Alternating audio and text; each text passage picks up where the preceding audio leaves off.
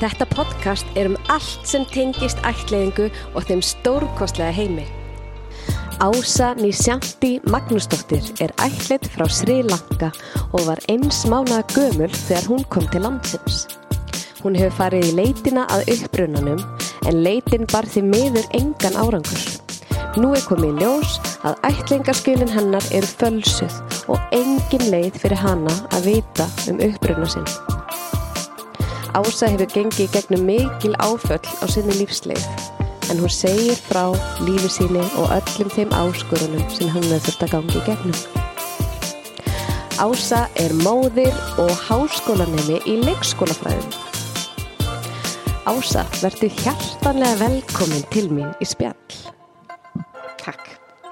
Við ætlum að sjálfsögða byrja á byrjuninni. Hún byrjar náttúrulega í Sri Lanka, þar sem ég er ættleitt, þar sem þegar mamma kemur út og sækir mig, eða ættleiði mig. Já, hvað varstu gömul?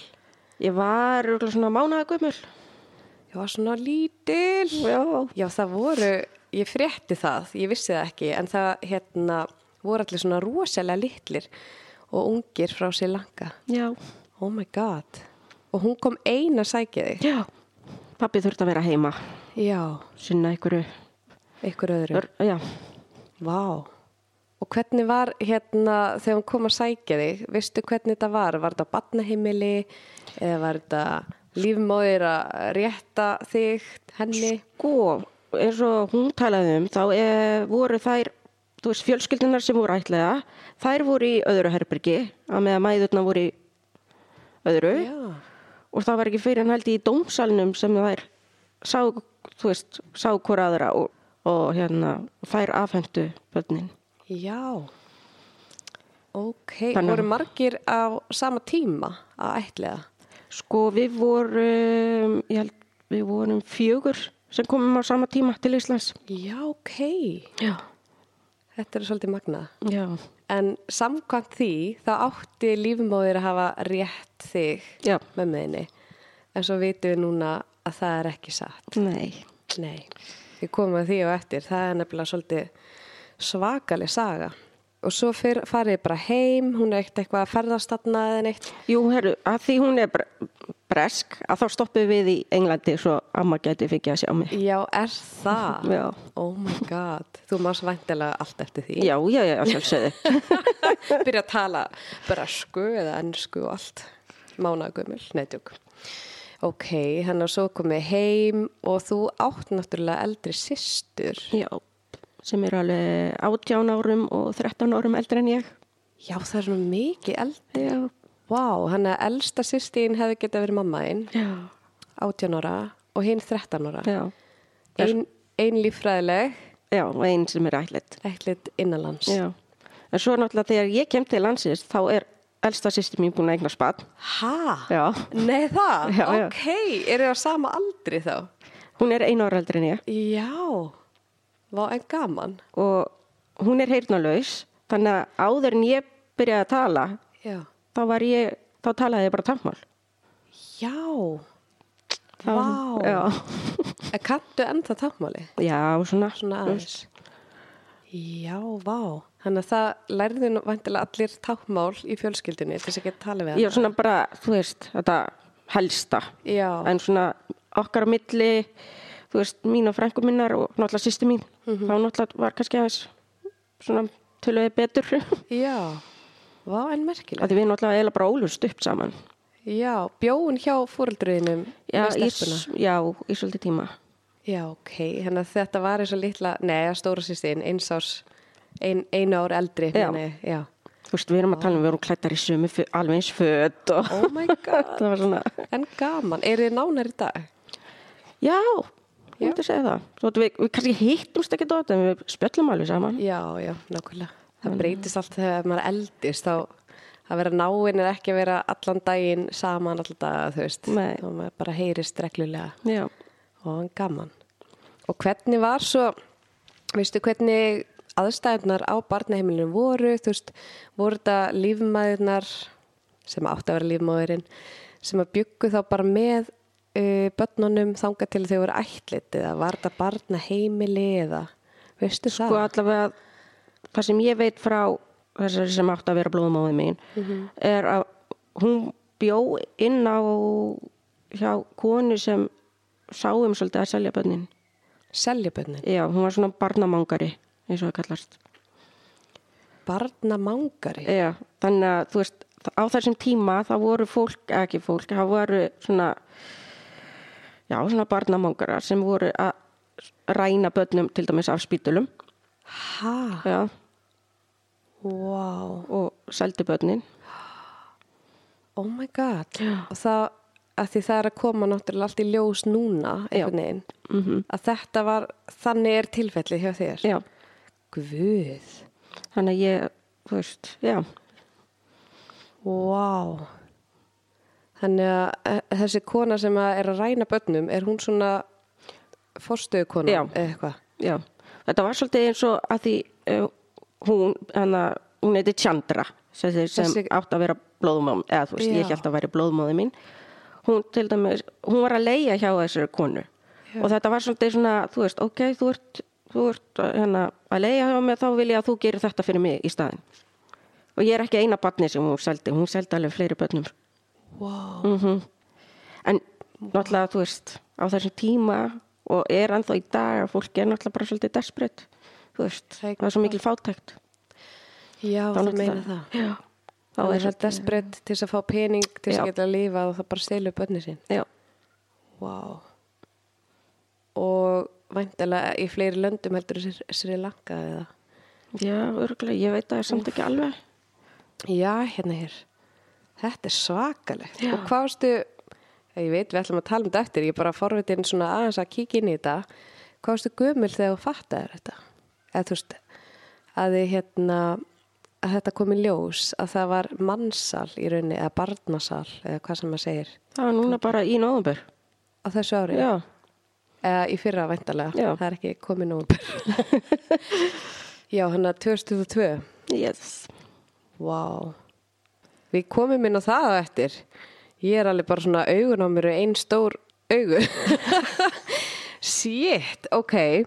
En hérna, förum að sé yfir uh, að því að við vorum að tala um hérna fóreldreina og batnaheimilið og umsóknarferli var væntilega ekki eins og er í dag Nei, það sem allt er í fokki hérna og var, veistu hvernig þetta var hvort það hafi verið mikil svona pappirsvinna eða eitthvað löglegt í gangi þarna á þessu tíma eða að sjálfsög var ekkert löglegt að- að því ég, það sem ég skil ekki er að það, þú veist sem kemur í ljós að það er eh, maður sem heitir Damas sem er hollidíkur og ég sér um svona eða sá um hvað þetta er svona var svona ætliðinga félag eða hvern, ég veit ekki hvað maður er að kalla það þú veist sem hann einn var bara með og hann ha- var svona milligöngumæðurinn á milli Íslands og Sjölanka já, einmitt ég hef búin að sjá eitthvað um það í þættinum já um hennan mann en er hann einhver skemari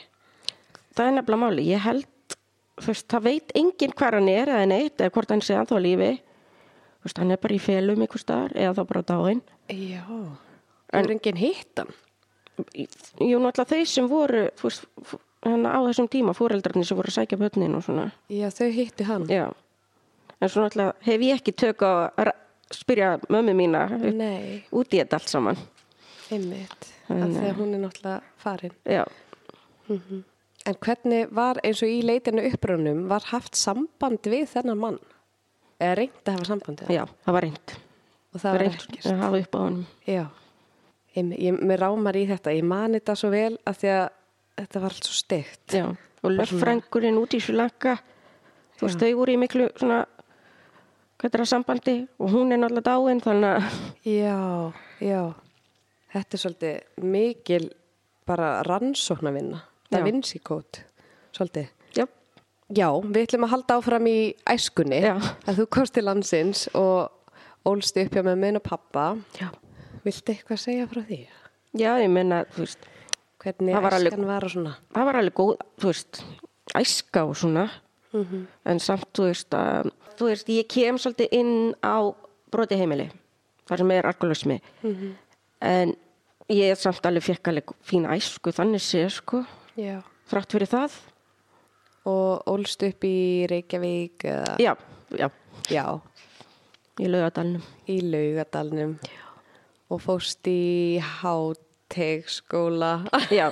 váka í mann mikið ég er svo lélega að muna nöfn sko En hann var samt í öðru hverfi þannig að, já, að það að því mamma var að vinna þar Já. að þá fór ég bara með henni. með henni, Já. Mm. já, hún var kennari Ég byrjaði reyndar í, í Ísaksskóla já, í fimmara bekk en í fyrsta bekk mömmu fa- leist ekki alveg nógu vel á þetta þannig að hún tók mig bara til sín. já og leiði vel í skólanum og svo Já, já, já, já.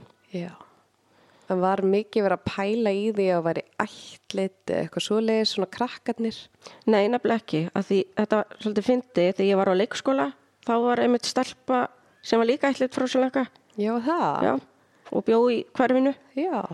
og svo þegar ég fyrir grunnskóla þá var önnur stelpa sem líka ætlit frá Sjölanka. Í alvöru. Já.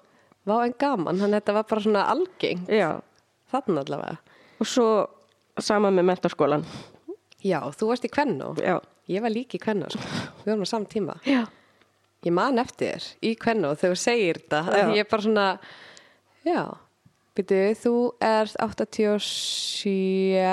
85. 85. Já. Þegar þú varst lítil og úlingur, varst eitthvað mikið að pæla í upprununum? Nei, sko, ég- svona já og nei. Náttúrulega mamma var rosalega duðlega að segja mig frá hlutum og þú veist bara, þú veist, þú veist byrjaði náttúrulega snemma að segja bara að ég væri ætlit og af hverju og allt svoleið, sko. En, þú veist, ég var samt, og ég var ekkit þannig sem ekki að pæla í að fara í ykkur upprunaleit. Það var ekki fyrir en bara því ég var orðin svona unglingur, já. Já. Þá fór, var ég svona, byrjaði að fórutnast meira. Og ég er svo forvitin að vita svona tilfinninguna, þú veist, þegar maður veit ekki hver blóð fjölskyldamanns er, að því maður þarf einhvern veginn bara að vita það. Já. Þú veist, hvernig tilfinningin er að vita í rauninni ekki mikið eða va- varstu með einhverju upplýsingar sem úlingur eða... Ég var aðalega bara, þú veist, ég átti mynd af henni eða, Já. þú veist, tjöndru uh, það var svona eina sko og það var ekki fyrir en á skýrtandi svona með þess að þá fekk ég að sjá ætlingaskjölin Já, er það? Já, Ok, var það margi pappirar eða eitthvað já það var alveg svona Já. þú veist, þetta var ekki, ekki samt einhver bunki eins og, þú veist, það voru að, fleiri aðrir með upplýsingar? Já, en þetta var alveg, jú, jú, menna ég gæti alveg séð hvar ég var fætt og, og svo leis og stemmir það eða? Nei, að því ég er fætt á tveim stöðum þannig að Ha? Já. Ok. Það eru Hvernig tveir þá? staðir sem eru skráðir í ætlaðingarskjölunum og tveir spítalar, þannig að, Vá. já, Í öllum bunkanum þá eru tveir staðir. já, Ég er alveg svona, já, hvernig virka það? já, þetta er bara fölsun. Já, væntanlega. Eða endurfætt. Já. Já. Og það er ekki bara ég, það eru fleiri sem er Já. með svona papýra. Ég ekki bara að demba okkur í þetta bara strax. Já.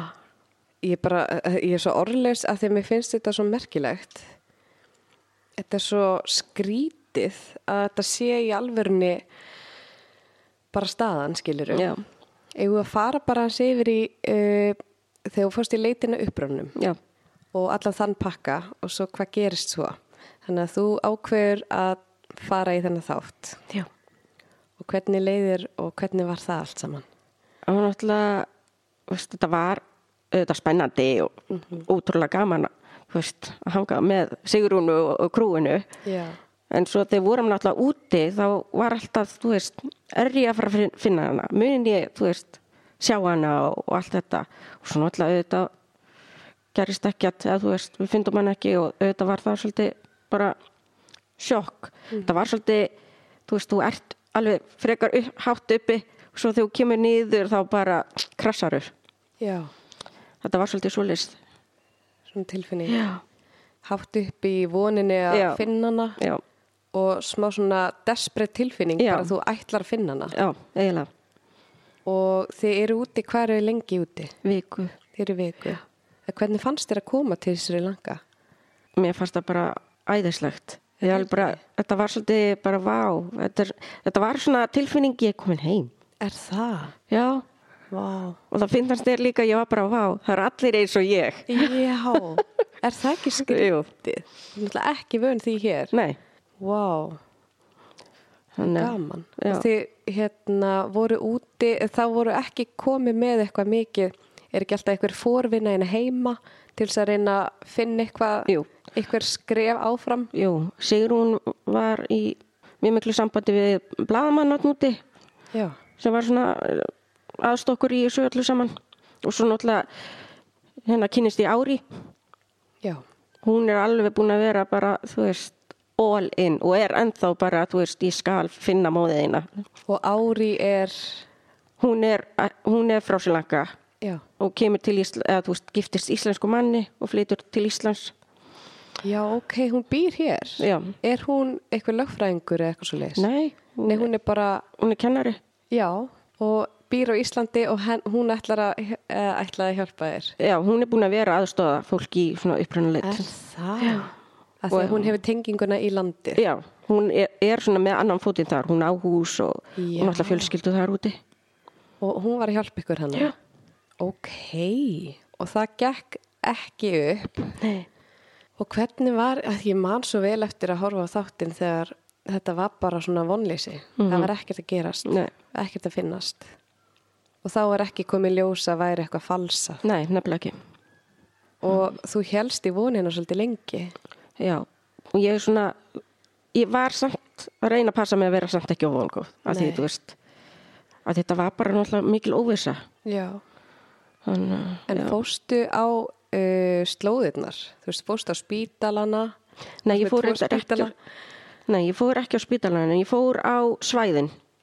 Sem að þær áttu að hafa verið að Já. gefa þig. Já. Og hvernig fækst að fara inn? Nei, ég- já, ég fekk reyndar að fara inn í nokkur hús náttúrulega hjá Þorp, eins og Já. við kallaða Þorpshöðingjar. Þorps höfðingjar. Vá.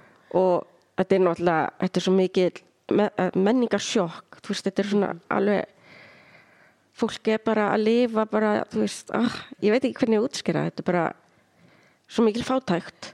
Já. Já, það er þannig. Já. Og húsin, eru þau veist- bara venjuleg hús eða? Nei, þetta eru bara oft svona moldarkofar. Já. Jú, ég meina sum hús eru, al- eru steift Já, já. en það fyrir svolítið eftir bara hvar þú ert stattur, Mhm. hvernig stöðu þú ert með sko. Þannig að Hérna yfir höfu er rosa mikið fátættana. Já. Og við fórum í eitt hverfi og það var svolítið svona, þetta var bara svona slömmið. Já. En eh, Hvernig er að fara inn í svoleiðis? það er svakalegt. Já. Við fórum að eitt stað, vorum að spyrja um hvort þið, hefði, hvort þið þekktu þessu konu, vorum með, Með mynda, myndina. Já. Og svo þegar við erum að fara tilbaka í rútuna, eða þú veist í bílinn, að þá e- kemur önnur konu og segir bara, þá geti ég hjálpað mér, að fin- hjálpað mér að finna dóttu mína og þú veist, ég veit ekkert hver hún er og þú veist, þá hefur greinlega verið eitthvað svona, barninu henni verið rænt á spítalanum eða eitthvað alveg. Já. Og ég bara, og ég veit ekki, ég var alveg bara, mér stingi hjarta sko því ég sá þetta. Oh my god. Já, Þannig að- að þú varst að segja áðan að það er í alvörni verið að ræna börnum hann. já. Og svo er bara sagt við maðurnar að barnið hafi dáið. Jésús. Oh my god. Og þetta er bara raunveruleikin ennþá í dag. Ég veit það samt ekki alveg. Það gæti verið. Eh, gætu verið, það Já. er kannski ekki eins svona þú veist hvað maður að segja það er örgulega meira falið í dag kannski Já. En ok, og svo ákveð, eða þú veist, komist þið að þeirri niðurstöðu að það er ekkert að gerast og þá farið bara heim. Já. Og hvað tekur við þegar þú kemur heim?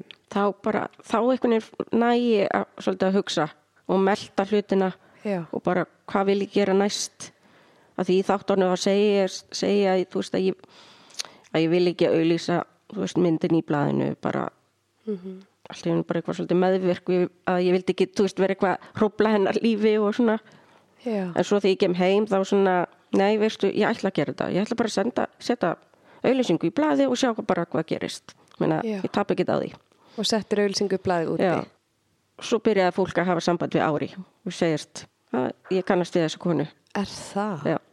Og hvernig vinnur hún úr þeim upplýsingum? Veistu það? Hún sendi þá, þú veist, hún er með menn svona, ekki, sem eru góði vinnir hennar og þeir eru aðstofa Já. þannig að þau skjótast svona fyrir hana Ókei. Já, hann er úti. Já, þegar hún er ekki úti Og var þetta að stemma eða? Já, Sem sko að- það var eitt sem var frændina nefnilega Ok. og hann náttúrulega ben, sagði ári bara hvar hún væri og svona Já. og, og vinnur hennar fyrir og aðtöðar og þarna er hún náttúrulega lifuð, alveg mjög gömul mm.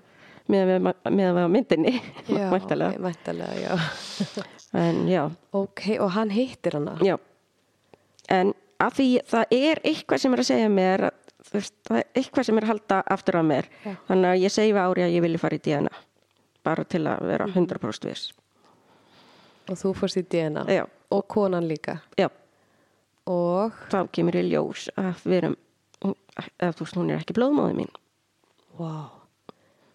Og þá ertu búin að eldast við kolvillasa konu. já, Og svo komi ljós að þessi kona, og þá bað Ári Hörpu sem var búin að, sem kom hitti mig eftir hérna síðust, eftir ferðina um, a- be- þá bað Ári ha- hana um að fara í DNA já, að því við vorum, erum með nákvæmlega sömu ætliðingaskjöl það er bara sö- sömu nöfnin Já, einmitt. Ég var einmitt búin að sjá þessa frétt og viðtal við ykkur.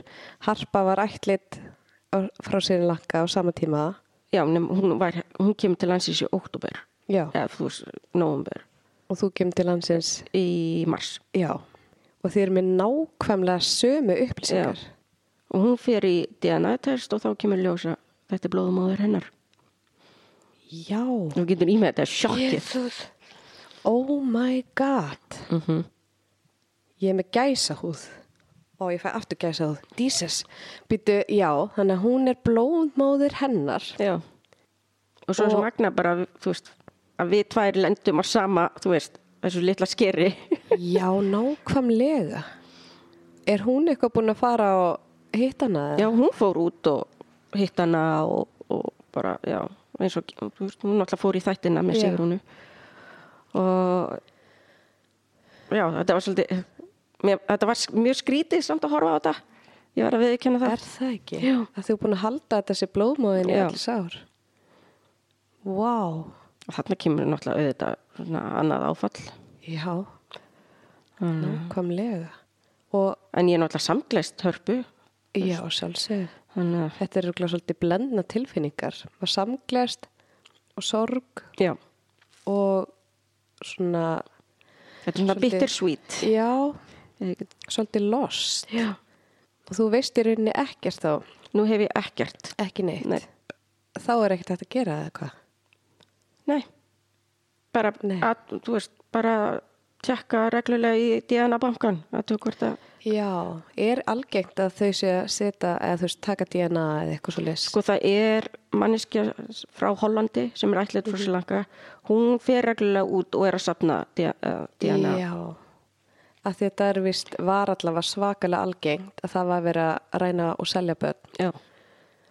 Jú, og svo náttúrulega þetta voru kannski náttúrulega sum sem bara gerði þetta, þú veist, bara ég get ekki, þú veist, Já, já, ekkert endilega einmitt rænt, en Ah. Nei, en þú veist, það var mikil fátækt svona örþrifa ráð Já. einhvern veginn eða hvernig líður með þetta allt saman Hver- hvernig er tilfinningin að vita að þú varst mögulega rænd og seld náttúrulega, ég var náttúrulega bara í miklu sjokki, Jésús, já að ég, þú veist, já, að vera svona hluti af þess, að þú veist, þessari starfsemi. Guðminn almáttur, já. Hann hafði náttúrulega ekkert um þetta að segja. Nei, nákvæmlega. Vá. Og svo í dag, þú veist, ég er aðalega bara svona, þú veist, spurningin bara, þú veist, af hverju var ekki farið, þú veist, í gegnum pappirina hjá öllum til, þú veist, að því Mm. 86, þá kemur bara til Íslands á raungum pappirum. og Frá þau- Sri Lanka. Já, og þau vita af því Dómsmálaráðanetið Á og, Íslandi? og Íslensk ætling, já, Þau vita af því. já og þá, þú veist af hverju var þá ekki farið í gegnum pappirana hjá öðrum sem komu á undan Já. þú ert, engast, þú veist, þú ert ekki lengi að fara yfir 84 skjöl sko Nei, Jésús. Býtu, vá, ok. Þannig að árið 86, Já. þá er vitað Já. að það er eitt barn sem er á landinu með fölsu skjöl já, og það var ekkert gert og svo núna komið ljós að fullt af þessum skjölum hérna á Íslandi já, þeir eru bara, þau eru líka fölsu já, flest þeirra. oh my god Við hittumst nokkur heima hjá Ívari og bara fórum bara yfir skjölin og bara líka bara til hittast og Já. bara og hérna Vá. og þú veist, það þurfti ekki geimvísindamann til að sjá hvað þetta var bara flest allt alveg eins eins og hafi verið bara svolítið skrifað eftir handriði býttu nú við býttu, ok, segðu mér aðeins frá þessum skjölum þú veist, hvernig eru eins er þá til bara- dæmis um, í- það er, kemur svona kapli þar sem er skrifað af hverju hún er að gefa upp batnið já, og þar er alveg mjög svipað bara, þú veist bara sama handskrift til dæmis ha Já. og það er sami læknir sem skrifar undir en stundum er hann retired læknirinn, Já. já, einmitt þannig að maður hefði haldið að ok, þú ert retired af hverju ertu þá að þessu eða þú Einmitt. veist, ertu ekki þá bara hættur ég að vinna átti ekki að vera heima hér að slaka á Já. eitthvað. ok, og en eins og hérna uh, spítalar, fæðingadagar og eitthvað er það allt svipað líka eða hvernig er það? mm, veit það ekki alveg nei, það er náttúrulega ekki allir kannski komnir svona svipa langt og ég og Ívar til dæmis í þessu ferli já segðu mér aðeins frá ykkar sambandi Ívar er náttúrulega búin að fara líka að Já. leita Þið eru jakkumur Já. frá Sri Lanka. um, ár ég var svolítið búin að vera pr- ekki pressa beint en svona, þú veist, vildi að ég myndi þú veist, uh, leita réttar og Ívar og eftir að ég sá þáttinn með Ívar þá spyr ég hvort hann vildi ekki vera bara með mér í þessari baróttu og við erum búin að vera bara já, saman síðan Og þið eru að berjast fyrir að fá bara... réttlæti Já. uh, bara e, e, verið komin þú veist, af staði ykkur rannsókn Mm Nákvæmlega. Að Hérna því- í Íslandi. Já, að því í dag er náttúrulega við, þú veist, við, það er búið að taka af okkur, þú veist, upprunnilega leit og bara allt saman. Nákvæmlega. Það er engin sjans fyrir okkur að leita. Það er bara búið að taka af ykkur stóran hluta af ykkur sjálfur í Já. rauninni. Já, Og þið geti aldrei fengið hennan bút. Nei. Það er svo mikilvægt, það sem er einmitt mikilvægt bara sem maður er að reyna að reyna að gera sig í hugalund hvernig þetta er og það er náttúrulega ekki sjans að það sé hægt nema maður sé í svipum spórum já. Og að því, við, þú veist, maður er samt alltaf stöðugt, bara hvernig, þú veist, ætli hún sé að leita að mér, Já. þú veist, maður er alltaf að hugsa um þetta.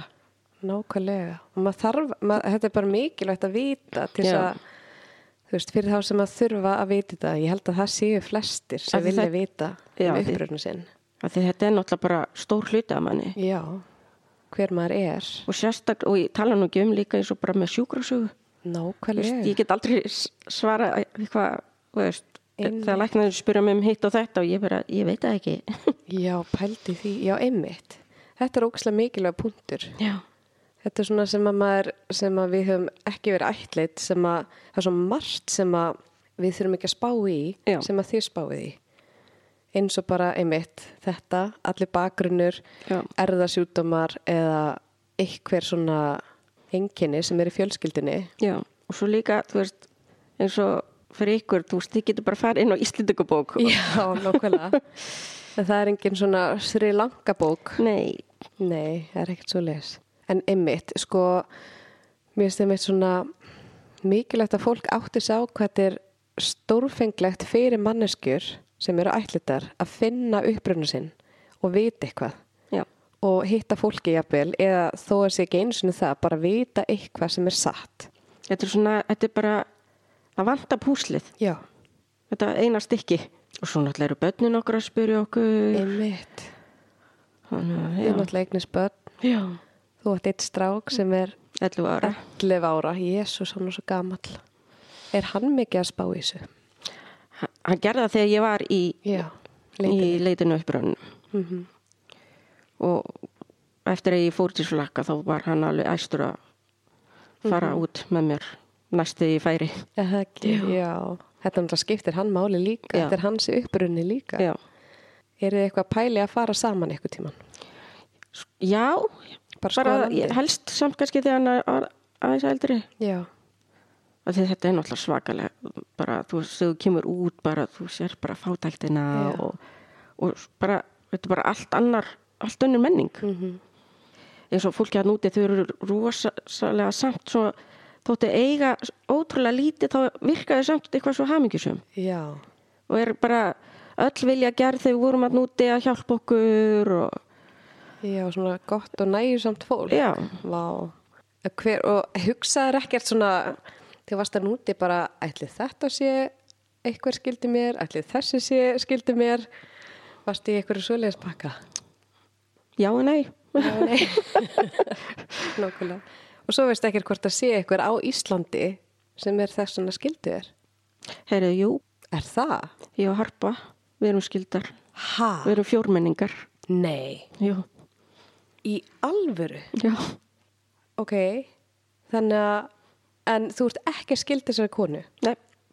Og hún segist ekki vita hver blóðmóður mín er. Ha? Já. Ok, wow. Ég er alveg bara svona, svo, þetta er svo svakalegt, ég er bara, þetta er bold, þetta er beautiful in Aha. the adaption world. Yes. Yes. Oh my god. En er hún ekki með neyn svör? Nei. Ég veit ekki hvort það sé bara, þú veist, hún er orðin svo gömul, náttúrulega búin að Já. lifa. Hvað er hún gömul, veistu það? Það stóð í papir hún væri 65 ár gerð. Já. En, þú veist, hvað veit maður? Na, nei, hvað veit maður? Hvað veit maður? Þú veist, ég veit ekki eins og hvort að en að amalistaru minn sér réttur. Nei, einmitt. Kannski er ég ekki 38, kannski er ég bara 36. Herði, þú getur bara valið, nei. Oh my god, já, svo veistu það náttúrulega ekkert. Nei. Hver er maður að treysta? Já. Er það ekki bara að maður að kjósa einhvern veginn að treysta eitthvað sér satt? Ég ætla bara að treysta, þú veist, bara fólkinu mín í kringum mig. Það Já. er svona, já. Nákvæmlega. Vá, en fóreldra þínir Já. hafa náttúrulega enga hugmyndum þetta. Þau fóru þarna fyrir nokkrum áru síðan Já, og þá var náttúrulega ekkert að þessu komið í ljós. nei. En voru þau eitthvað spennt að fara með þér að leita upprönnum? Við töluðum ekkert mikið um það. Nei. Það var ekki mikið rætt. En ég hugsa samt, þú veist, uh, að mamma hefði viljað koma með mér í, þannig að ef hún hefði verið ennþá á lífi. Já, nákvæmlega. Já, þetta er náttúrulega rússibanni núna, þú veist, eh, þegar þú varst að leita upprönnum, hvernig hafði leitin áhrif á þig? Að, að, ég veit ekki, þetta var bara svo ógeðslega mikil óvissa. Þú veist, ég vissi ekkert hvað, hvað myndi gerast næst og svona. Og aðalega bara mun ég finna hana, mun ég, þú veist, Já. mun ég, mun ég. Muni, muni ég. Nákvæmlega. og þetta, þú veist, þegar ég kom heim ég fann alveg að þetta hafði mikil áhrif af því, ma- þú veist, þegar maður er að úti maður hefur ekkert beint tækifæri til að þess að einhvern veginn, hvað maður segja svona hugsa í gegnum þetta af því maður er bara svolítið á fartinu en Já. þegar ég kom heim þá bara svona, wow þetta var svona já, spennufall Mm, Algjört. fór svolítið, já, nýður í svolítið tíma, sem bara eðilegt Já. en já, Já, byrjuð þið verið í nóumber þegar þið voru að fatta þessi fölsu skjöl. já, Nóumber, nóumber, þessi fyrir janir fyrir bara, já, það eru fimm mánuðir. já Og þið eru á fullu að tala við, hvað, domsmálaráðunitið, já, Við- fossetan. Sko, um við erum búin að reyna að ná bara til allra ráðherra, Já, þú veist, eins og bara Katrínu, Ásmund, en þú veist, við komum bara að lokaðum dyrum, það er mjög fá svör sem við erum að fá. af hverju ætli það sé? Ég bara veit ekki, ég held þetta sé bara svolítið, eins og þetta sé bara, bara svolítið sópus undir tæpið. -hmm. Og þú veist, að því þetta er náttúrulega svakalegt mál, þú veist, við erum náttúrulega búin að opna svolítið svona Pandora box. Mm Algjörlega. Þannig, að, já. En við erum búin að fara á fund með dómsmálaráðunetinu og þau bara vildu bara aðeins fá að melta og hugsa þetta og við vorum búin að gefa þeim hvað mánuð, það var komin tveir mánuðir og þau eru ekki ennþá búin að svara okkur. Nei. En hvað í svona, ef þetta væri fullkomin heimur, hvað myndi þið vilja að kæmi út úr þessi? Sko bara að það eru náttúrulega bara gerð rannsóknarvinna uh, að það væri bara bóði öllum bara þú veist frítt að fara í DNA próf bara fá réttlæti Mhm. nákvæmlega. mér finnst það bara svolítið nummer 1, 2 og 3 af því það, þú veist, mér finnst það bara búið að taka algjörlega allt af mér sko, Já. með það að gera sko Paldi, ef það hefði verið almennilega haldið utanmýta, mm Mhm. -hmm. þá væri ekki svona mikið, af- hvað, hvað maður segja, svona fölsum skjölum og já, ef þetta he- bara væri eins og í dag þú veist, þar sem er bara nákvæmlega. báðir aðeila fara bara rosalega djúft í Mhm. hlutinu sko og það er ekkert verið bara hérna, eftir mánuð, gjör svo vel barn. Nei, nákvæmlega, sem betur fer eins og fólki finnst skrítið hvað er mikil, hérna, hvað það er mikil pappirsvinna og tekur langan tíma, Já. en það er ástæði fyrir því. já, það er til þess að allt sé 100% löglegt Já. af því það vill engin að, þú veist, það vill engin eignast batt sem að hefur verið rænt eða stúlið eða selt og battin sem hefur vittlisum upplýsingar um sig þú veist, það er bara það er því hræðilegt, ég held að það sé svakalegt áfall fyrir fóreldrarna líka já og, og alla og eins og, þú veist, minna fóreldrar í dag eru náttúrulega bara í áfalli Já, er það ekki? Já. Einmitt, hvernig, já, hann alltaf bara verkferðlanir í, í á þessum tíma voru náttúrulega bara allt öðru Mhm. í seldur en það Það var ekkert félag og var ekkert svona þú veist það var bara þetta pínulitla félagana íslenska ætling en Já, sem var svona að byrja að matla þá. já, myndi ég En svo í dag er þetta náttúrulega allt öðruvísi Allt félag. Þetta öðruvísi. er almennlegt félag, sko. Það sem að passa, vel passa upp á allt.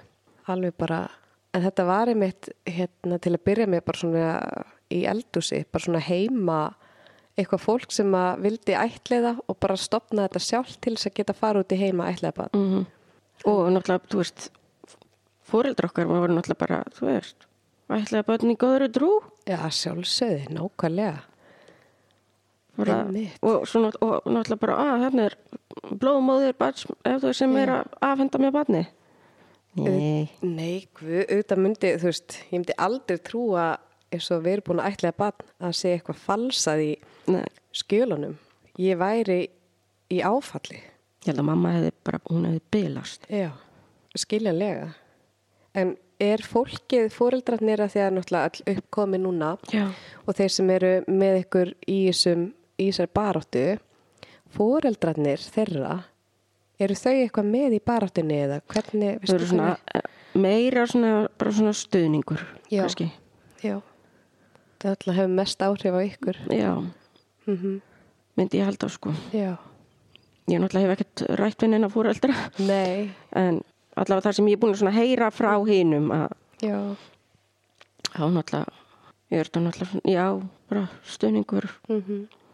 Og höldum sjálfsögur þessi baráttu áfram. eða sjálfsögðu. Og ég vona svo sannarlega að þetta fari að bara að þú veist að fá viðkenninguna Já, og bara að ykkur taki ábyrgð. algjörlega, taka ábyrð og hlusta. Já, Bara svo mikilvægt að hlusta á alla rattir, þú veist þetta er rosalega mikilvægt mál. Að fá lokun einhvern veginn á það já, líka. nákvæmlega. Nú ertu orðið fullorinn Já, og með alls konar áföll á bakinu. já. Og hefur eitthvað svona sérstakt að því vorum að tala um áðan svona sálfræði meðferðir og sem við elskum. Mhm. Það er rosa gott að fara til sálfræðings og fara til góðra fagaðila. Og þú varst nefnilega að segja mig frá sálfræðingi áðan sem þú elskar. Hún bara svolítið hitti naglan á höfuðið. Já. hún, ég er búin að fara til margra og hún var svo fyrsta sem bara, herru, rótin, því, rótin byrjar þegar þú ert ætlit eða bara frá unga barni þar þegar þú ert bara tekin frá blóðumóðinni Einmitt. þannig að ég bara vá, það var, það hefur enginn sálfrangur sagt þetta við mig Nei. og svo bara fóru við að- einmitt að vinna bara í gegnum bara æskuna mína -hmm. og já og bara þar sem því fylgdi Einmitt. Mér er bara svo mikilvægt að koma þessu að að því að þetta er svona akkurat það sem að maður bara veit að börnin þurfa á að halda Mhm. -hmm. og allir sem eru ætlitir eða með eitthvað bakgrunn skiptir ekki máli hvað er, bara finna alltaf rótina og vinna með það upp. Já, að því ég, þú veist, ég er búin að prófa ham og, og svona og það var bara ekkert að virka á mig. Nei, Og svo er, líka, það er ekki heldur margir sálfræðingar sem einhvern veginn, hvað maður að segja, kunna á þetta, þú veist, ok, þú ert ætleitt og þá, þú veist, oft í í því þá eru börnum höf- hafnað, eða fá svona mm höfnunartilfinningu þannig að þú veist, nákvæmlega. þetta er svolítið sem fleiri salfræðingar mættu taka til sín Já, einmitt. Og vinna, einmitt, vinna rótina. Já. þegar- Þó maður sé jafnvel í móðukviði þá er alveg vísindilega sanna núna. Já. Og Það hefur áhrif á mann. Já. Þú veist, bara móðukviðstæmið. Og hvað þá þegar þú ert tekin að lífmóður, rænt Jöp, á batnaheimili eða hvað sem er, þá er þetta fast inn í líkamanninum Já. og þú mótast þannig sem einstaklingur og ert á með höfnuna tilfinninguna alltaf já, og maður þarf náttúrulega að vinna með það og það er örglega eina verstu tilfinningun sem hægt er að vera með þessa höfnun. já og svo líka að því þegar mamma næri í mig og við komum heim að þá er ég búin að vera veik þá kemur í ljós að ég var með salmonilu sýkingu Er það? Já. Ok. að því Chandra talaði mitt um að ég var rosalega óvær Nú, ok. Þegar- Æi. Lilla baby. Vá. Þannig að þá varstu bara nýkomin heim og varst bara lasin. já, Bara með eitthvað upp og niður og eitthvað. Skemmtilegt. já, allavega svo sýst ég mér sagði bara að ég til dæmis þoldi ekki hvað er formúluna ég bara, ég kastaði upp eins og ég var að spúa eldi sko Æi. Næs. en svo náttúrulega að það kom í ljós að það, hérna, það var blóð í bleiunni og þá var, þá var uppgöðast salmonellu sýkingin Æi. Úf. Það er bara svaka heimkoma. já, ég er mætt Já, mætt með öllu mínu veldi. Æ, litla blómið. En hvernig er svona hilsan og allt það í dag? sko, frá því að bann þá hefur við, þú veist, verið bara frekar heilsu hraust, sko. Það var ekki fyrir hvað, 2014 og fekk ég eitthvað fyrir mig krabba minn. Já. Uh, við getum sagt að ég, ma ég man ekkert eftir því ári að því ég var bara í svo aggressífri lifjameðferð Já. að ég var svo veik. Oh my god. Þannig að ég kannski náði fjórum góðum dögum þá getið næsta sesjón byrjaði. eh, Já. Þannig að Hvernig grindist krabba minni? Hvernig fattaði þetta? Herru, það, ég fann, ég var með eitthvað svona kúlu hjá viðbeininu Já. og hérna og það er einn sem er að vinna með mér sem er sjúkraþjálfur og ég eitthvað svona spyr hann út í þetta og hún eitthvað þú veist, ég veit það ekki ta- prófa að heyri í heimilislækniðinum og ég geri það og hann bara herru, ég vil bara taka síni úr þessu Ok. og þá bara fyrir allt af stað, tekið síni ég fyrir aðgerð til að taka taka hennar æxli í burtu, Já. Það var bara komið æxli í einn svona eitil. já Það var ekki búið að dreifa sér alla.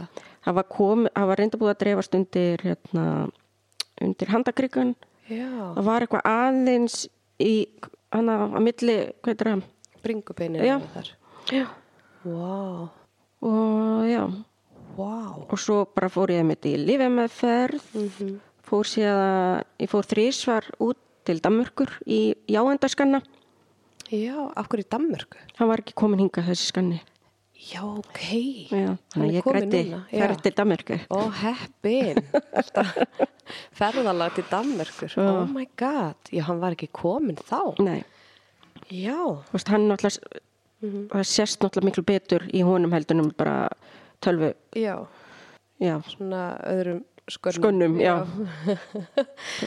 Ok. Og það tók ár og þá kom í ljós að þú varst laus við krabba minni. Já, ég var hvað í nýju mánuði og svo var, tók bara við síðan svona fimm ára eftirlit Já. og svo bara útskrifaðist ég Bara fullkomlega heilbrið. Já. Jésús. og með leið að því það lengdist alltaf á milli hérna, í, í þessu fimm ára eftirliti Mhm. og ég fann alveg svona bara, þú veist, þetta var í svona naflastengur og var alltaf að lengjast Já. Þú veist, maður var ekki lengur í þessu öryggi Einmitt. Fast er það erfitt. Svona já og nei. Svona myndirðu vilja þetta var vera svona, meira þú veist, eftirliti? þetta væri til að vera enda kannski í þessum bómur fattar upp og Já. Mhm. það sem er verið að halda utanum hann. En svo náttúrulega fínt samt líka að geta bara lifa lífinu og ekkert vera að pæla í þessu. Já. Er það hægt? Ma- Þetta er alltaf, Er þetta ekki svolítið bak við eyrað Jú. einhvern veginn? En í dag? já, ég með, ef ég sé eitthvað sem mér finnst Mhm. rúslega, svona, hvað þetta er, óvanalegt og náttúrulega fer, fer alltaf stað, fer hugsunin bara, "Ugh, gæti þetta verið krabba megin. Úf, en það er ekkert eitthvað, þú ert ekkert líklegri en aðri núna í dag til þess að fá krabba minn aftur eða það er ekki alltaf eftir þessi fimm ára þá er maður bara komin að byrjunar eitt í Já. rauninni eins og aðrir. Já, Það er mjög gott að þú náðir úr þessu. já mér, ég er alltaf mjög bara ánað með það með að hvernig, hvernig Já. það fór fyrir fóraldra mína. Já, þú mistir mömmu þína fyrst Já. 2013. 13. Þú fyrst krabba minn 2014. Já. Og pappi deyr úr krabba minn 2015. Já. Þetta er engin smá áfalla pakki. Mm Já, hérna er. Og nú er árið 2003 og þá ertu, ertu ekki virk. Ég var, fór í virk Þú fórst í virk. 2020 Já.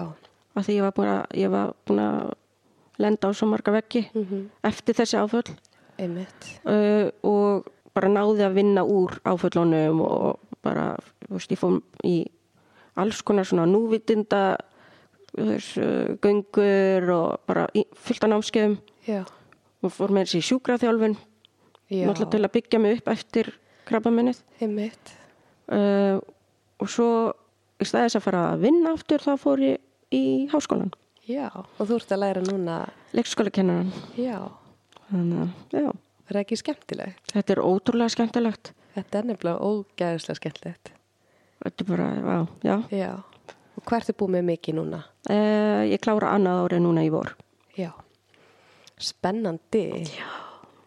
Ó, dásamlegt. Eða gaman að sjá, sko, mér finnst bara svo gaman þegar fólk talar opinskátt um þú veist, áfölli sín og maður þurfi í, þú veist, svo lenda flestir á vegg, þú Já. er búin að upplifa alls konar áföll og nokkrum árum síðar kemur yfirleitt veggurinn. já, Þannig að gerist ekki strax. nei Það er eins og maður nái að halda sér einhvern veginn ég fó bara á hnefanum í gegnum Já. gegnum þetta nákvæmlega og maður heldur um að maður komist Já.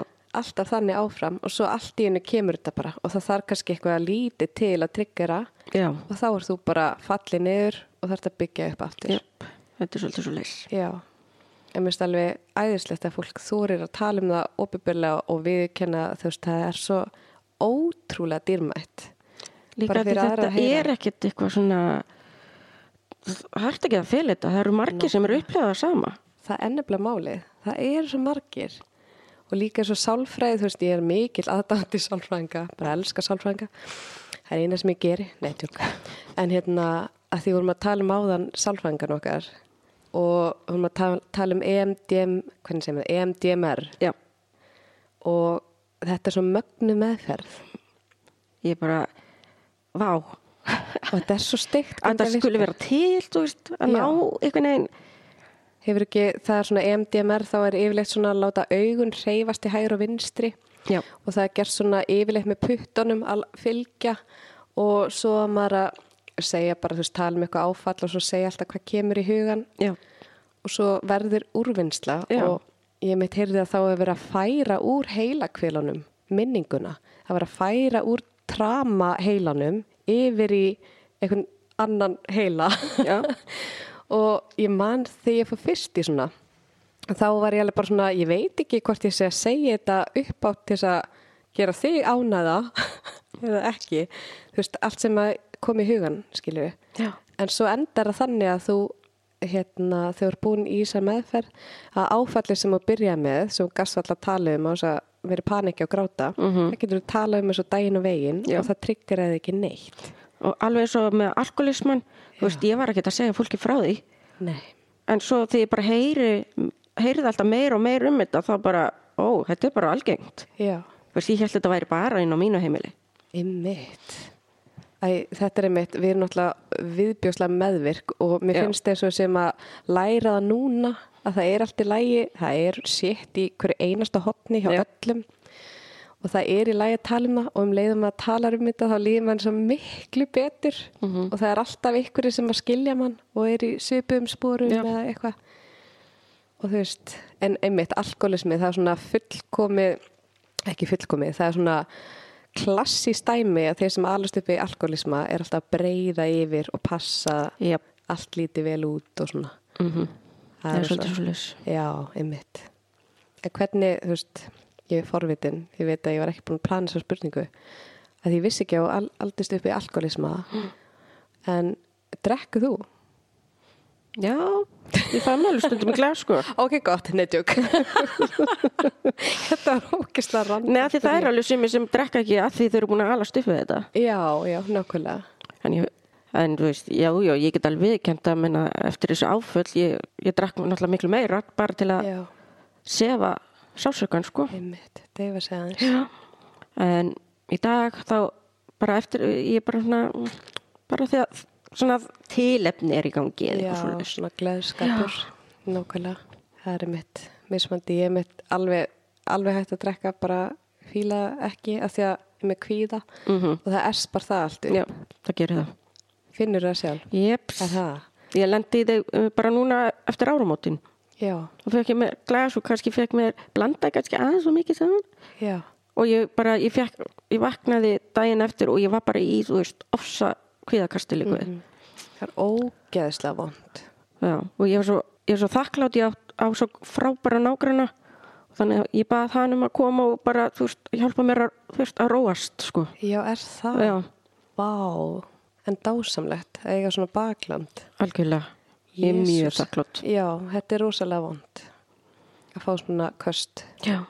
Úf, en færðu Og það hvernig er líka ástæðan fyrir að ég er ekkert að, þú veist, Nei, nákvæmlega maður þarf að velja tilefnin ver Já. til þess að, og líka bara, þú veist, vera svolítið meðvitið um að vera ekki að blanda miklu saman. já, guð oh my god ég er einmitt svo viðkvæm að ég fekk mér hálfan bjór síðast í óttabir og þá byrjaði að fá kvíaköst Mm. kannski nokkar daga eftir á Mhm. og það, ég held bara, já, þetta er ekki að svirði ég nenni ekki að, þannig að ég er í óáfengu kokteilunum bara Já.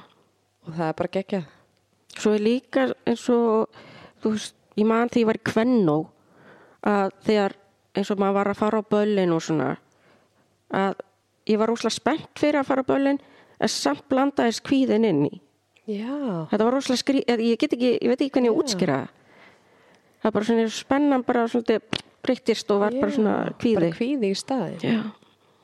ó, ég það er ruglega að því að þú varst kvíðabarn Já, er það ekki, jú.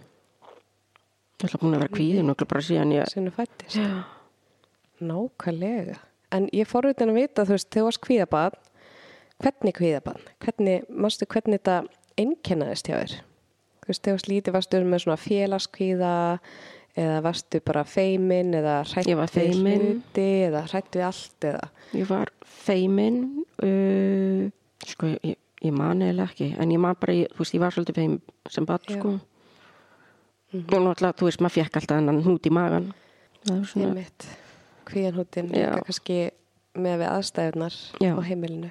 Og líka, þú veist, maður var svolítið duglegur að lappa svolítið á ekki Og skurnum. tánum, Já, og eins og, þú veist, alltaf þegar þú veist, ég var að kveikja á sjónvarpinu þú veist, ég þurft að það hærist alltaf svo hátíði já. en, þú veist, ég var reyndi að læðast og bara íta, þú veist, eins lauslega og ég gat, svo ég myndi ekki vekja þau Já, sæll. mm og passa að halda þeim góður, góður. Já, einmitt. Oh my god. Mm Paldi í því. Það er svakalegt álag fyrir barn. e, já, Hvernig var þetta túpusjóvarp? já, Já, já, einmitt. að sjálfsögð Sjálfsög, litasjóvarp. Já. Oh my god, já. En finnst þér, finnur eitthvað enn af þessu í dag? Ertu svona... Það fer eftir hvað það er. Já, það fer eftir hvað það er, þú veist, ég er alveg ennþá í, þú veist, að þú veist, kannski, mér langar að gera þetta en ég hrættum að særa þá þennan já, já. meðvirknin. Mhm. já, hún blossar alltaf Er það svona af og til upp sko Já, það er mjög sexy að vera með, með Mhm. en einmitt, við vorum að tala um að því að stundu fem var svona aftur á bakk Já. svona eins og maður fari í þú veist, hérna ert allt í hennu orðin fimm ára eða átt ára eða Já. tíu ára skiluru mér finnst það svo magnað Ég var bara að upplifa það núna um daginn já, bara ég var að skrifa reitgerð og náttúrulega búin að hanga yfir henni að þá fann ég alveg, ég var komin svolítið farin svolítið niður og ég talaði við vinkulum mín og hún bara já, þetta er bara 12 ára hása sem er að byrtast og ég alveg, já, alveg rétt, ég var búin að gleyma henni já mér finnst þetta nefnilega svo magnað þegar þú veist að segja mér þetta á hana því að ég nefnilega upplifa þetta líka mjög oft og ég tala alltaf um litlu selmu Mhm.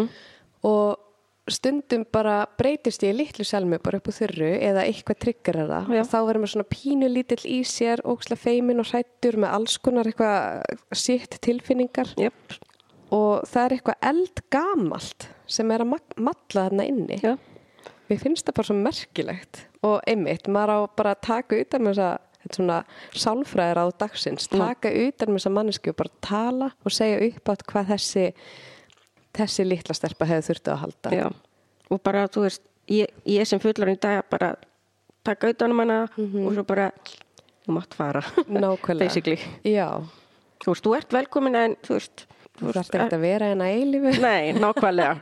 Kíkt í heimsókn af að til en, en stutta heimsókn Já. takk Annars ertu frábær Þetta er svolítið bara eins og hún sé bara svolítið að láta vita á sér. Já, einmitt Já, mér finnst það mjög merkilegt Já, þetta er það. þegar maður svona fattar þetta bara, hey girl Já, og maður, þú veist, ég fyrir að horfa á þetta eins og, í, eins og þetta sé bíómið, bara sé svona, svona lítil ása sem er svona blörruð eða eitthvað, ég veit ekki. Einmitt. Ótrúlega bílað, Já, en skemmtilegt. kannski eru við bara bilaðar. Það er pottitt málið.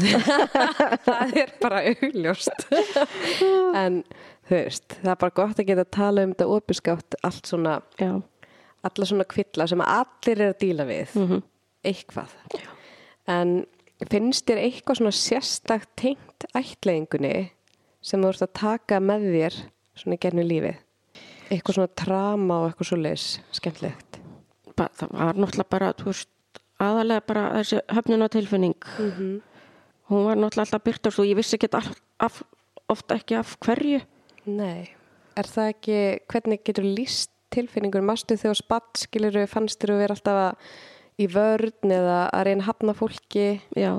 já, ég held að, og líka, ég held líka bara þú veist, ok, þú ert, þú veist mér er hafnað við fæðingu, mér er hafnað þegar ég kem til Íslands, þú veist Mhm. og þá bara svolítið fer maður í, í að bara að vera svolítið að hafna þá að öðrum áður en þau geta hafnað mér, sko hvernig varstu hafnið þegar þú komst í Íslands mér, mér fannst ég vera höfnið af fóreldrum mínum já, þau tóku drikkina framið við mig já, vá pældi, já þú hugsaði það sem barn ekki sem batn ég nei, en, svona fullar en þú veist þú veist, eins og aðalega þegar ég var ronin úlengur já, vá Mhm. það er svakalegt elsku litla ásan ha, takk utan um hana en eins og ég segi, þetta- þetta er bara allt sem er búið að gerast, það hefur bara gert mig sterkari Mhm.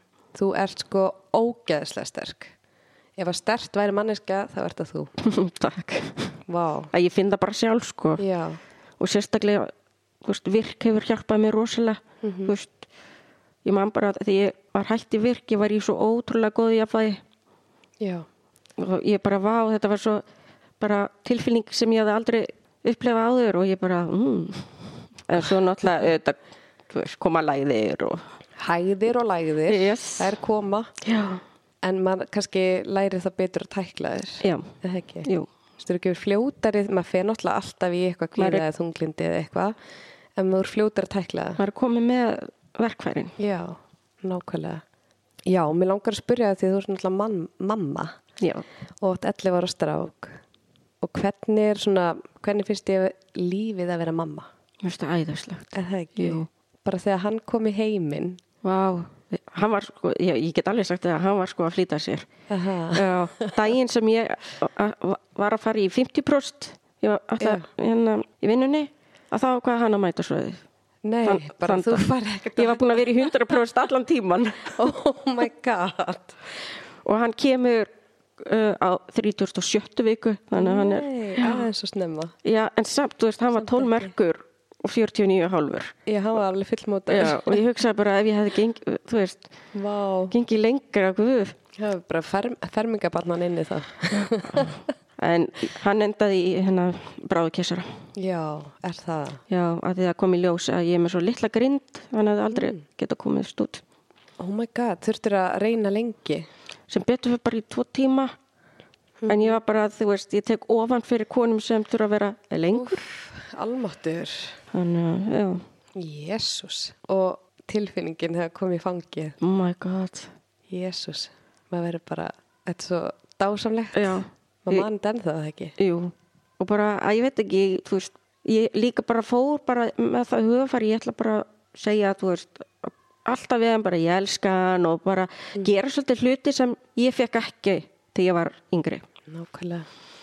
og þú veist, mér fannst alltaf best bara, þú veist, þegar hann var pínulítill og sagði hann alltaf fyrir bræði, mamma, ég elska þig og maður bara, ó, bráðnaði og hann gera það þá í dag Já, eru þið ekki ógisla náin? mjög, þú veist, ég er með stóran svona hortsofa en hann er samt alltaf bara upp við mig Já, en þegar við erum að horfa á, þú veist, bíómyndir saman eða eitthvað, litla tyggjuklessan mín Já, nákvæmlega.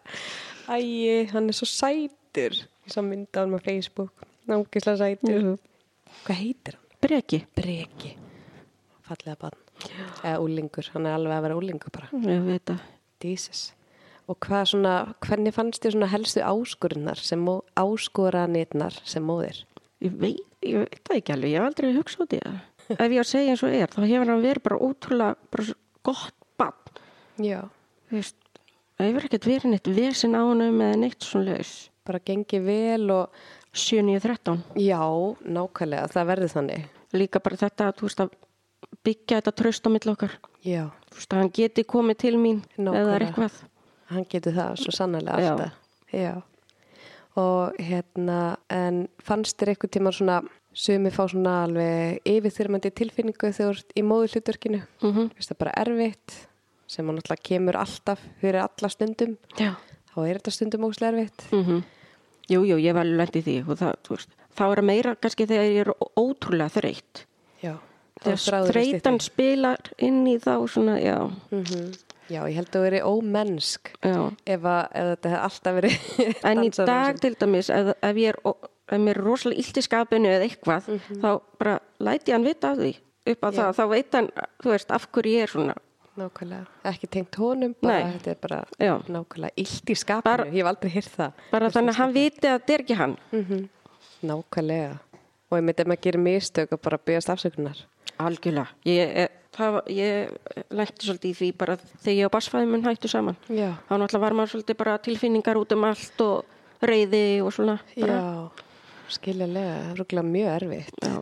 og þá er hann bara uh, þryggjóra ekki hann, nei, hann er s- Nei, fimm hann er Fimm ára mm Hvernig tók hann því, manstu það? Það er bara, gekk vel já, eiginlega, það gekk bara mér fannst þetta bara gangur svolítið smúð Já, og þeir eru bara ótrúlega góði vinir já, þ- ég held að það hafi líka bara hjálpa til Já. það er svo gott samband á mill okkar mér finnst þú svo sterk að þú veist, sama hvað gengur á að gera allt sem þið getið fyrir barnið Já. að vera í góðu samstarfi ég held bara að, að- að við að vinna á leikskóla Mhm. að þú veist, maður er bara maður gerir allt bara það sem er fyrir bestu Já, fyrir barnið nákvæmlega og þú erst búin að vinna í leikskóla hvað mörg ár? mm, 14 Vá, wow, já. þú er svo ung ég veit það, ég er bara 36 það meikar ekki sens já. já, að því hérna, þú varst að vinna í leikskólan sem sonu minn var á Já. og ég man alltaf svo vel eftir og ég man einmitt þegar leitin upprönnum var þú veist maður er náttúrulega alltaf að horfa á þetta en hérna að því að maður svona einhvern veginn s- ég sogast að ætlutum já, að mér er svo áhugavert skiljanlega Já. að því ég á ætlut barn þannig að mér langar bara að koma því á framfæri það er allt svo áhugavert tengt ætlutu fólk Mér finnst einmitt, mér finnst mjög einmitt spennandi, þú veist það er svo, til dæmis, nú eru farið að fjölga svolítið á flóttabönnum inn á leikskólum, Já. að þú veist, vinna með þau. Einmitt. Ertu hérna, ég er mér mjög forvitið með þetta að því ég er að taka eftir að það er komið svolítið að flóttabötnum í skólan hjá sinni mínum. Mm Mhm. -hmm. Maður færingar upplýsingar en eh, við vorum að tala um þetta hjá íslenski ætlingu að þetta er svo svipar bakgrunnur Já. í raunni eða þú veist þannig, það eru áföll Já. Mhm. hjá flóttabötnum, mm það eru áföll hjá ætlitubötnum og svo var eitt svo áhugaveru punktur sem gerði mig pínu svona súra Mm. að hérna flóttabötnin kom til landsins og fá rosalega mikla aðstóð sem að er nöðsilegt Já. og þau fá fjármagn með sér og stuðning og íslensku kennslu, íslensku kennslu. Ætlitu bötnin kom á svipum aldrei til Íslands en ef þau eru ætlit þá eru þau bara Íslendingar og fá enga þjónustu. Með þau Þau er fá bara ek- síðan að bara plumma sér inn í Ekkert fjármagn, já, engi stuðningur, engi stuðn, íslensku kennsla, engi stuðningu fóreldra. Mm -mm. Það var allavega ekkert svoleiðis þegar ég var yngri sko Nei, og það er ekki svo í dag. og eins og þegar hérna hennar barnasáttmálin Já. varð hvað, 92 eða 3 Mhm. að þú veist, þá eru við ennþá börn að ég veit ekki okkur fannst mér og Ívar uh, þú veist, af hverju var þá ekki þú veist, farið þá aftur bara í gegnum skjölin Mhm. okkar og bara einmitt barnavenda komin á Nákvæmlega. heimili, taka, þú veist, taka hluti út og, eða þú veist, fattar upp Já, einmitt. Og þá er einmitt alveg brotin heimili Já. í gangi. Þannig að ef að segjum sem svo eins og fóreldreinir væri ætlaði barn í dag, Já, þá myndi ég kannski eflust ekkert fá að nei ætlaði barn af því það var ekki allt í toppstandi. Já, og þú veist, ég hef oft líka verið að pæla okkur, til dæmis sýstur mín og voru ekki taknar í viðtölu eða eitthvað svo leys. Já. Það er margt Já. bara sem, að það er svo margt sem þarf að breyta og ég meitt svona mér er svo hérna áhugavert eins og með flóttabönnin og ætlætubönnin þetta, er- þetta er það sami pakki -hmm. en það er verið að berjast fyrir því að fá sama rétt, sömu réttindi fyrir ætlætubönnin á Íslandi og flóttabönnin Mhm. -hmm. Vist, við viljum ekki taka neitt af neinum við viljum bara fá ætlætubönnin í sama flokk og Já. flóttabönnin að því þetta er svo mikilvægt að þau fái sömu réttindi og aðstöð og fjölskyldununar að þetta er ekki smá bara álag og pakki sem að fóreldrar ætlætabatna er að díla við á sama tíma og fóreldrar flóttabatna já. já, og ég tala ekki um að því nú eru börnin, þú veist, þau eru náttúrulega eldri Já. heldur en þegar ég var ætlaði, það, þú veist, var ætlit. þú varst að ætla sjálfa þig ég veit að þau eru sko yngst um tveggja og Já. þau eru að eldast að því að þetta er orðið svo steikt í dag Og þau eru náttúrulega byrjuð kannski, þú veist, m- eða komið með skilning og sínu eigin móðumáli og jafnvel orðafóraða. Sko flesti eru nefnilega miklu eldri en tveggjara mm.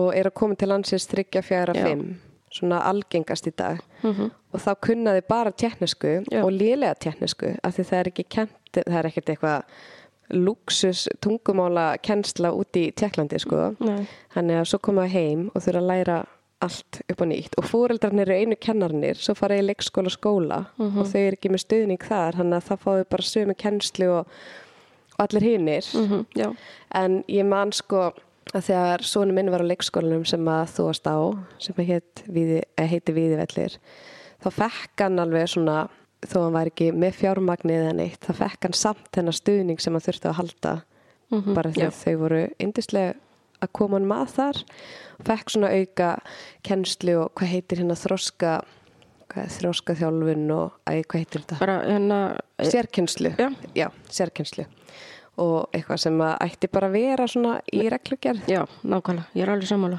og eins og með flóttabönnin nú er, sorry, ég elska allt þeim bönnum og svona bönnin sem þurfa eitthvað að halda Já. og skólakerfið að því maður langar bara að bæta ef það er hægt og það er alltaf hægt en hvernig er svona þú er reynslega að vinna með flóttabönnum á leikskóla Já. og þau eru yfirleitt hvað eru gömul þá þryggja, fjara, fimm, eitthvað svo leiðis Sko, hún var tveggjára svo sem ég var með í stuðning já, þegar hún kemur til Íslands og inn á Víðalli. Uh, en hún var samt alveg fljót þannig að eða, þú veist að ná tökum á íslenskunni. Sérstaklega líka hún var með eldri sýstur og þær voru náttúrulega fljótar að ná tökum þannig að hún svolítið ólst upp í því. Og hvað voru frá Venezuela eða? Nei, þau voru frá Makedóníu. Ég held að það hafi verið Makedóníu. Það er allavega rauðu fáinu með svona sól. Ég man, ég veit ekkert hvað fáni það er, ég man ekki neina fána.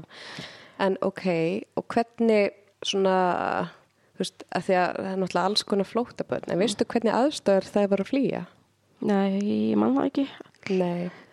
en, en þú veist flestir þetta er náttúrulega bara vegna stríðis og og svo leis Eitthvað svo leis. Já. En tókstu eftir eitthvað svona sérstökur svona áfallahægðun, svona kvíða og þannig? já það var alltaf henni, þú veist, það var alltaf erfitt fyrir henni að koma í leikskólan Já. Þú veist, hún brotnaði oft niður Já, bara hrætt. já, eða bara, þú veist já, og ég þekki það sjálf að því, að því ég var nefnilega átt ára Já. á, byggju ég og mamma út í Fraklandi í hálft ár og ég man bara tilfinninguna þegar maður var að fara í þú veist, byrja í skólanum Já. og, og maður kunni ekki ísl, nei, frönskuna og þú veist, enginn talaði ennsku, þú veist, þetta ég man bara, ég brotnaði niður af því mamma sagðist ætla, að hún ætlaði að koma með mér inn í stofuna en svo máttu hún það ekki Já, einmitt. Þannig að var maður man alls konar svona. og, mað, og, ég- maður- og ég mani maður fekk alltaf svona þessa kvíðatilfinningu þegar maður var að fara í skólan Já, sem, mm, en svo náttúrulega þú veist, eignaðist maður vini og, og þú veist, þá var Mm. þetta alltaf betra og betra já, sem betur fer. Já. En ég er forvitin, ég er alltaf að segja hvað ég er forvitin, ég er svo frið þjóð forvitni. Hérna, er eitthvað kent í skólan núna, í leikskólafræðum, Hm. þú veist, eitthvað sér vinnu með flóttabönd eða, ég held að það sé ekki ennþá komið sko, eins og er þá er áfangi sem heitir bara leikskóli án aðgreiningar Já. en þá er verið að tala bara þú veist, bæði um þú veist, uh, börn með erlendan uppruna og, bara, og börn með þroskaskerðingar og bara þú veist, Já, já. svolítið já, þú veist, þetta er svona bara já, þessi fjölbreyti fjöl, fjölbreytileikin. Já. ég mitt svona hefði viljað mætti alveg, þú veist, ég væri alveg til í að vera í áfanga sem væri bara engöngu, þú veist, vera einbýlingum á flótt og blöð Flóttaböð. Flóttaböð. Já, ég var leiða Fyrir þoklum og allt Já, einmitt. Ég einmitt, sko, að því þarna eru börn að koma inn til landsins eða þau spreina á leikskólan Mhm. og þú veist, og eru kannski þú veist, og við vitum heldur ekkert hvað þau mun ver, þú veist, vera lengi hjá okkur Nei. að því það er alveg, þú veist, oft sem þau fara bara síðan tilbaka eða fara eitthvert annað Já, eða sendi eitthvert. og, við, og þetta eru börn sem hafa aldrei náð að festa rætur Mhm. Já, það er svakalegt. Já. Elsku börnin. Ég mynd svona vildi óska að væri, ég veit að eru til áfangar, ég veit ekki hvort það sé skildu áfangar eða ekki í svona fyrir kennara og leikskólikennara Hmm. að sé um áföll barna. Það er mér svo ógæðslega mikilvægt að því að svo mörg börn, ef ekki, já, bara, þú veist, ætlet börn, flóta börn, skilnað börn, Já. börn sem missa fóreldra, alkoholismi, ofbeldi, eitthvað svona áföll. það var að sé skildu kennsla það eða svona. var að koma einhver smá svona partur í einum áfangan, ég man ekki hvað áfangi það var en Mhm. já, en það, Já. þú veist, þetta var bara samt svo lítið ég veit það ég held bara svona, ah, ég vildi að væri vildi að væri meira svoleiðis af því Mhm. að það er svo geggja að vera með áfalla með að kennslu já, til þess að hjálpa börnunum nákvæmlega ég er alveg bara breymandi yfir þessum áföllum Slasti. breymandi yfir áföllunum já Þekksson er úr raut hjá íslenski ætlaðingu sem er að halda fyrirlestra út um allt. mm já, Varst það fyrirlestrinum þegar, nei, varst það vinni í leikskólinu þegar? Jú, hún kom. Manst eftir því Já. þegar hún kom. já, Varst ekki geggja fyrirlestur? jú þetta var svona eitthvað sem ég hafði aldrei pælt í Einmitt, það er þetta sem að mér finnst vanta svo mikið. Bara að allir fagaðilar, kennarar og allir séu meðvitaður um að því að svo mörg börn sem fitta inn í þennan hóp. já, Oh my god, ég verði að leta svona hitamál hjá mér. Ú, áfell, tölum um það. En hérna, þú verður bara að taka það fyrir Já, ég þarf að taka það fyrir, algjörlega. Ég er búin að fá ruti í eitt þátt, þátt nummer þrjú, já, nei, fjör, að ég manna ekki, eitthvað þátt. Og ætla að fá hann aftur að því að þetta er svo mikilvægt að svona opna, eða svona fræðast um þennan áfalla heim, banna. já, Það er geggjað. En það er eiginlega svona að koma að lokum. Er eitthvað svona, eitthvað er sérstök loka orð eða ráð eða eitthvað svona skemmtilegt sem vil koma á framfæri? bara þeir sem allir upprunuleit bara endilega að gera það Nákvæmlega. af því þetta er náttúrulega bara partur af okkur þetta er pústið sem vantar Já. Algjörlega.